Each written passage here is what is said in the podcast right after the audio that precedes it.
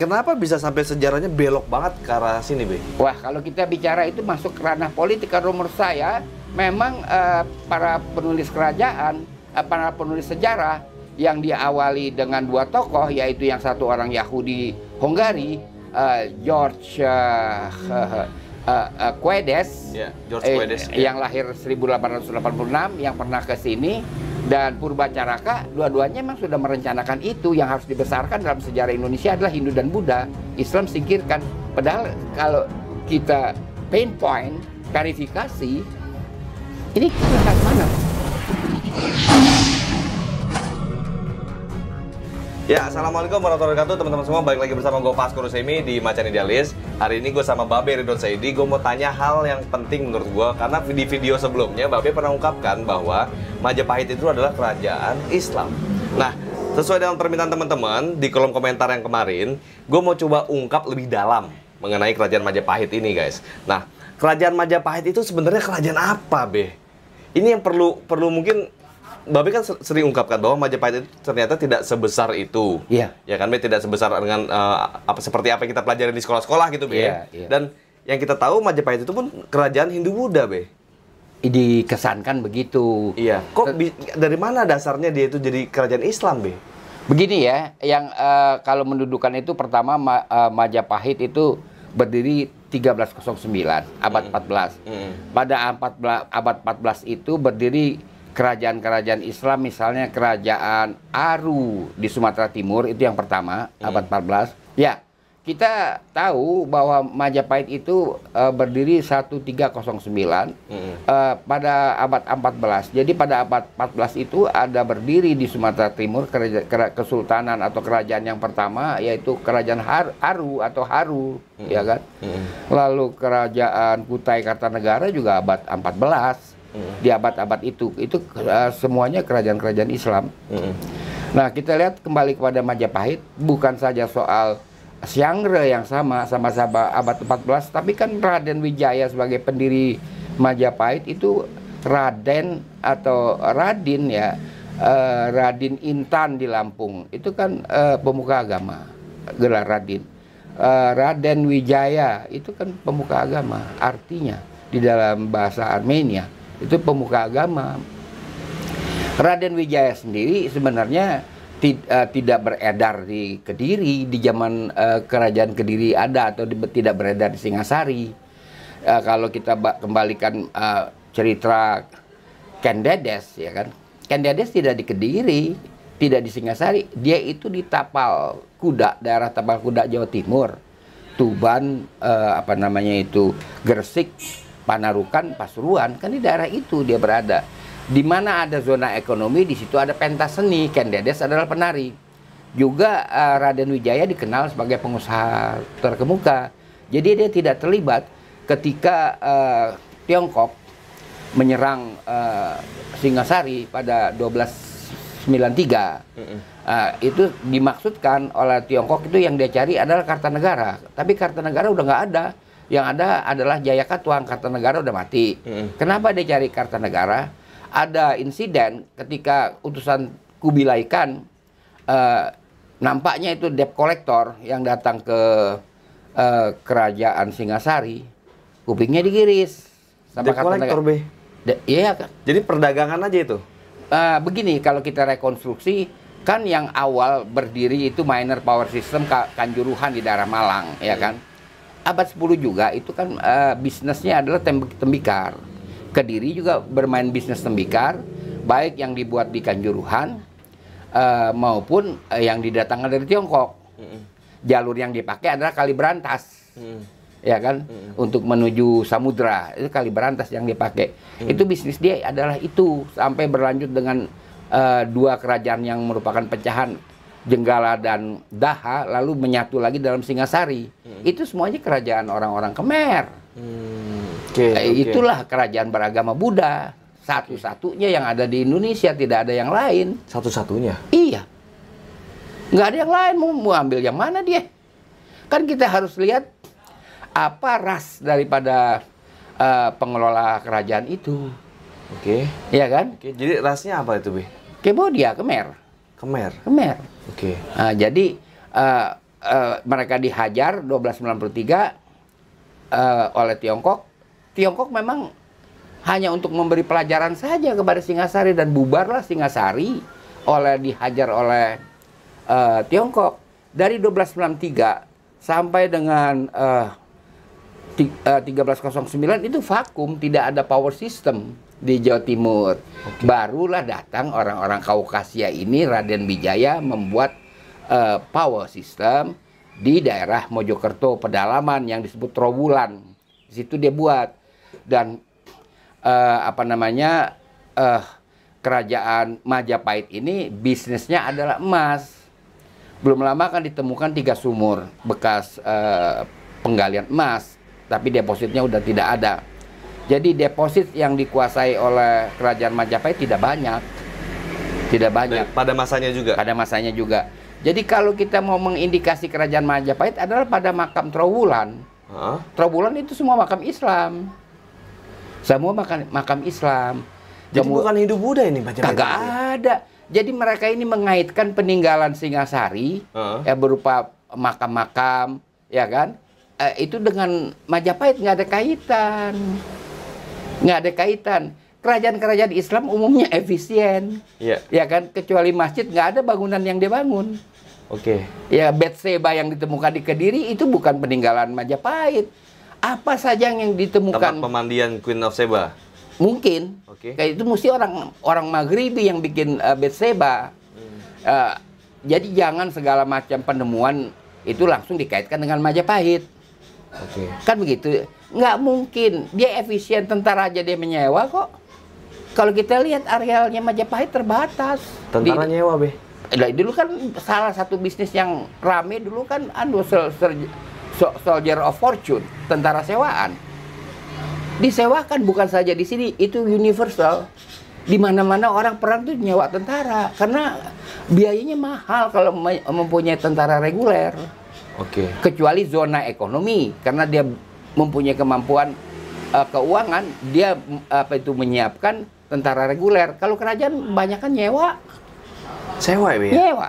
Dan Majapahit salah satu penyewaan tentara di situ. Iya, bukan dia bukan Menyewakan. menyewakan, dia menyewa. Dia menyewa. Iya. Karena reguler tempatnya di mana? Trewulan tuh kecil. Yang kerajaan yang terkenal sebagai penyewaan tentara Mataram. Mataram ya? Iya. Mataram 2. Mataram 2. Oke. Iya kan? Jadi kita lihat eh, Majapahit itu eh, dari kuburan Trewulan itu kuburan Islam. Iya kan? Dan ada lagi indikator yang lain eh, eh, orang-orang di Majapahit itu suka perempuan cempah. Campa. Campa. Oke. di, di Jawa Timur disebut Cempo, Putri Cempo. Kan ada makam-makam Putri Cempo. Itu eh, bini-bininya keluarga istana. Majapahit. Dia mesti cari yang Islam. Wih. Ini menarik nih, Be, karena karena yang kita tahu nih, Be, Hmm. generasi-generasi Vasco ini kan yang kita belajar ya dari buku sejarah kan, Be, buku sejarah sama para sejarah-sejarawan yang ada. Iya. Selama ini kita kenalnya Majapahit itu Hindu Buddha. Iya, karena mereka tidak membuat penil- apa, penelitiannya tidak deduktif. Harus dilihat dulu, ya kan? Jangan langsung kepada Majapahit diubak-ubak.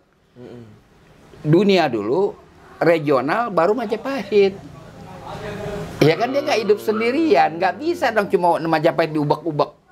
Eh, daerahnya cuma Trowulan diubak-ubak Korelasinya bagaimana dengan dunia internasional? dengan re- dengan internasional lalu Dan dengan regional. regional baru masuk kita ke eh, subjek atau objek yang bersangkutan itulah metode yang harus dia tempuh deduktif bukan dia main eh, muter-muteran di Trawulan. Trowulan nggak ketemu istananya aja nggak ketemu Oke. Terus bagaimana dengan Gajah Mada, Be?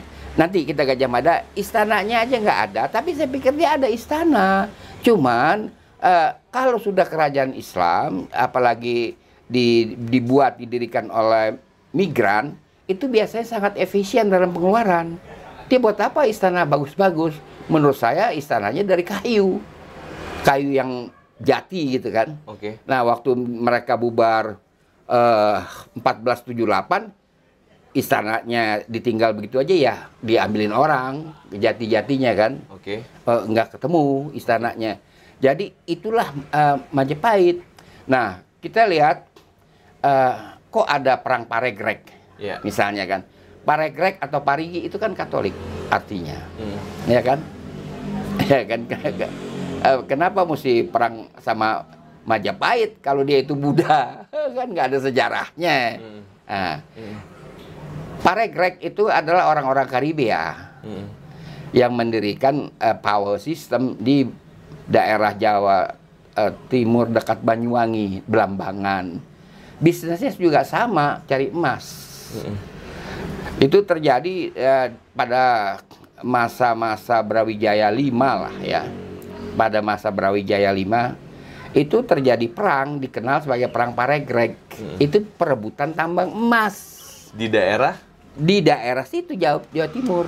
Oke. Yang juga nggak begitu besar juga? Oh besar kalau di Banyuwangi. Besar itu, Be? Eh, kalau di Banyuwangi besar, tapi Parekrek nggak tahu, ya kan? Dia cuma tahu eh, di sekitar Trowulan itu eh, sumur-sumur padahal deposit emas di Trowulan itu nggak banyak. Justru yang banyak di Ba- Banyuwangi, tapi orang-orang Karibia itu nggak tahu. Kan eh, rajanya namanya Minak Jinggo. Kan tahu kan Jenggo? Jenggo. kan? Nah, iya kan? Iya, iya, iya. iya. Dan memang eh, pada zaman Hayam Wuruk, eh, bini eh, tua atau permaisuri Hayam Wuruk dapat anak perempuan kawin dengan Brewira Bumi. Brewira Bumi itu adalah parekrek, adalah orang Katolik. Brewira Bumi, tapi dia tidak perang gara-gara itu, perang gara-gara eh, penyerbuan dari pihak eh, eh, Belambangan. Lambangan. Memperebutkan tambang emas. Mas tambang emas, ekonomi persoalannya. Itu ekonomi, tidak ada lain. Lain dengan perang di pewayangan. Ya kan, perang di pewayangan ya kita kira ba- barangkali berebut jimat ya kan. Ini jimat gitu kan diperebutkan bisa.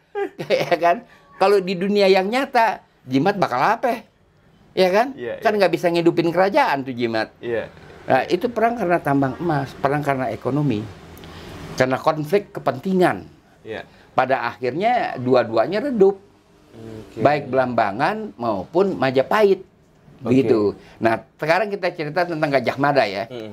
Gajah Mada itu kita bisa mengerti makna perkataan itu dari bahasa Armenia. Gajah itu kan simbol dari orang pandai. Itu gajah. Kuat gitu. Taringnya Oke. mahal. Iya. Mada itu berambut. Oke. Kenapa kok eh, bisa dibilang dia berambut? Orang-orang pandai zaman dulu kepalanya botak. Iya kan? Oke. Ini kok ada orang pandai ada rambutnya kan Iya, gitu iya, Gajah iya. Mada. Makanya disebut Gajah Mada gitu. Ah, ah, dia dia kan zaman Hayam Wuruk ya, jadi Iya. perdana menteri. Su- Sudah umur 69 dia Kalau diangkat. Mada bahasa Minangnya bandel, Be. Oh, Mada bandel bisa. Jadi pada umur 69 dia dilantik. Sumpah apa pun perdana menteri atau raja teksnya sama. Dia bersumpah di di hadapan majelis orang-orang pandai-pandai kalau di Minang Nini Mama. Ya. Ra- Raja Pagaruyung maupun Patiah Nang Sabah itu bersumpah di depan Nini Mama. Mm-mm. Begitu. Jadi ini depan majelis. Depan majelis. Sumpahnya itu sederhana saja me- menyatakan setia kepada raja kalau perdana menteri. Oke. Ya kan? Iya. Kalau eh, raja menyatakan sumpah se- setia kepada resi dan eh, kerajaannya. Oke. Itu nggak ada sumpah parah apa dari mana? Kagak ada, Be. Kagak ada tuh barang. Kagak ada teksnya itu sama di mana-mana. Jangan lupa ya. Di zaman itu se- eh, eh, eh, itu sudah ada konstitusi. Cuman yang bisa kita temukan yang masih tertulis dari kerajaan dari Kesultanan Wolio di Buton, Sulawesi Tenggara eh, yang mereka namakan konstitusinya itu Murtabat 7. Mm-mm. Itu ada. Oke. Jadi orang tidak sembarangan, ada konstitusinya. Mm. Tapi ada konstitusinya itu bersifat lisan, ya kan diingat menjadi memori memori kolektif, ya kan? Atau mungkin juga pernah ditulis tapi hilang. Tapi yang masih komplit adalah milik dari Kesultanan Islam Wolio yang berdiri pada 1540. Itu masih ada Murtabat 7. Ya. Jadi mereka ada ketentuannya nggak sembarangan. Jadi Ah. palapa tuh nggak ada, Be. Nggak ada, nggak bisa bikin-bikin sumpah. Lu sumpah apa lo? Ah, gue sih para apa aja. Oh, gue gak. Gue mendingan asbak. Ya kan? Gue kagak bakal makan asbak kalau gue belum naklukkan lu. Nggak ada lu takluk nggak takluk masa orang makan asbak. Ya kan? Pelepah kan artinya ah, pele- pelepah, pelepah pisang, pelepah kelapa. Nggak bakal dimakan. nggak bakal dimakan sumpahnya oke atau Iya. sumpahnya sukses atau nggak sukses nggak bakal dia makan gituan Iya. jadi dari teks aja udah kagak bener gitu loh jadi ini harus Gajah Mada itu orang pandai jadi bukan orang yang apa namanya eh, eh, perkasa atau apa karena resources kerajaan itu terbatas Iya. ya kan yang dibelanjakan itu banyak maka eh, perdana menteri lah yang mengelola itu Oke. begitu Jadi kenapa bisa sampai sejarahnya belok banget ke arah sini, Be? Wah, kalau kita bicara itu masuk ranah politik, kalau menurut saya memang eh, para penulis kerajaan, eh, para penulis sejarah yang diawali dengan dua tokoh, yaitu yang satu orang Yahudi Hungari, eh, George eh, eh, eh, eh, Quedes, Ya, George eh, Quedes. ya. yang lahir 1886, yang pernah ke sini, dan Purbacaraka, dua-duanya memang sudah merencanakan itu. Yang harus dibesarkan dalam sejarah Indonesia adalah Hindu dan Buddha. Islam singkirkan. Padahal kalau kita pinpoint, verifikasi, ini kita lihat mana? Itu hanya Khmer yang ada di sini. Tujuannya menurut Babe apa ini, Be? Tujuannya Wah. dalam membelokkan sejarah ini. Ya itu eh, satu model atau pola untuk mengisolasi Islam itu macam-macam. Dulu kan dikeluarkan dari sejarah, sehingga sus- sus- susah sekali kita mencari a- a- yang lengkap. Sejarah Pagaruyung dalam sejarah Indonesia kan nggak ada. Iya, begitupun semua kerajaan yang lain. Yang lainnya nggak ada. Iya. Yang dibesarkan kerajaan fiktif Sriwijaya dan Tarumanagara, lalu kerajaan Majapahit. Yang dia sangka itu Hindu Buddha, padahal bukan. Wih, gila men, menarik banget ini ya. Jadi diskusi gua sama Babe ini membuat kita harus semakin terbuka pemikiran kita karena bahwa memang sejarah itu eh, tidak ada kebenaran yang hakiki be ya yang, di- yang kita Semua dengar. ilmu begitu. Iya, semua Iya. ilmu begitu Iya. yang selama ini kita pelajari dari sejarah itu mempunyai versi yang berbeda dari sudut pandang yang mana. Nah, tadi kan eh, pernah gue tanyakan kepada Babe, apa kira-kira kepentingan politiknya mengenai dua dua sejarawan pada masa itu be ya, Hmm. Eh, Quedes dan satu lagi siapa be? Purbacara Purbacaroko Ah. membuat atau mungkin bisa dibilang memanipulasi sejarah seperti seakan-akan yang seperti kita pelajari saat ini. Apa Hmm. kepentingannya? Ini menarik teman-teman. Coba coba kalian tulis di kolom komentar deh. Gimana be? Kira-kira begini kok, eh, tesis mereka berhasil dihancurkan oleh saya Iya. karena mereka lupa. Saya menggunakan metode eh, yang dinama- dinamakan total history. Total history. Iya, itu metode itu. Oke, Apa itu be? eh, ya, ja- jadi artinya dalam metode total history, linguistik penting kan kita mesti tahu eh, Gajah Mada itu artinya apa. Raden Wijaya itu artinya apa kan kita mesti tahu. Dari situ kita bisa eh, menggali lebih dalam. Iya. Eh, linguistik eh, satu indikator. Lalu yang paling penting lagi adalah variabel ekonomi. Oke. Em, kerajaan-kerajaan khayal yang mereka ciptakan kan nggak jelas mata pencariannya. Apa Sriwijaya, apa Tarumanegara kan mata pencariannya kagak jelas. Sumber ekonomi dari mana Eh, itu? itu mutlak. Kalau kagak ada sumbernya itu bukan kerajaan. Variabel ekonomi itu paling menentukan Eh, untuk iya, em, me- em, menguji sahih Iya. apakah klaim di suatu tempat ada kerajaan atau tidak, ada power system atau tidak. Untuk mereka menciptakan APBN-nya. Iya, harus ada. Dia kan sudah menghitung pada waktu itu. Iya iya iya iya. Ini menarik be. Jadi jadi biar em, menimbulkan kesadaran bahwa anak-anak muda saat ini bahwa sejarah itu ada beberapa versi yang mana yang harus kita yakini ya balik lagi ke kalian seperti apa pandangannya dasar ini seperti apa dasarnya ini seperti apa karena Babe menyampaikan ini pun Babe mempunyai dasar yang mendalam dari total history yang tadi Babe sampaikan eh, sistem kerajaan power system yang ada di Indonesia bukan hanya kerajaan ternyata berbagai macam lah Intinya gampang ya bagi para pemula Mm-mm. yang ingin masuk di dalam metodologi modern tentang sejarah, Iya. satu saja. Sejarah adalah logika. Kalau nggak logis bukan sejarah. Gitu aja. Bagi kalian yang mencintai sejarah, maka sejarah pun akan mencintai kalian. Teman-teman semua tulis komentar di bawah bagaimana pandangan kalian mengenai hal ini. Coba sebarkan kalau ini bermanfaat. Sebarkan ke seluruh sosial media kalian. Apabila ini bermanfaat, jangan lupa klik tombol loncengnya di subscribe biar lo terus update di Macan Idealis karena gua akan terus update kisah-kisah yang menarik setelah video ini. Assalamualaikum warahmatullahi wabarakatuh. Salam.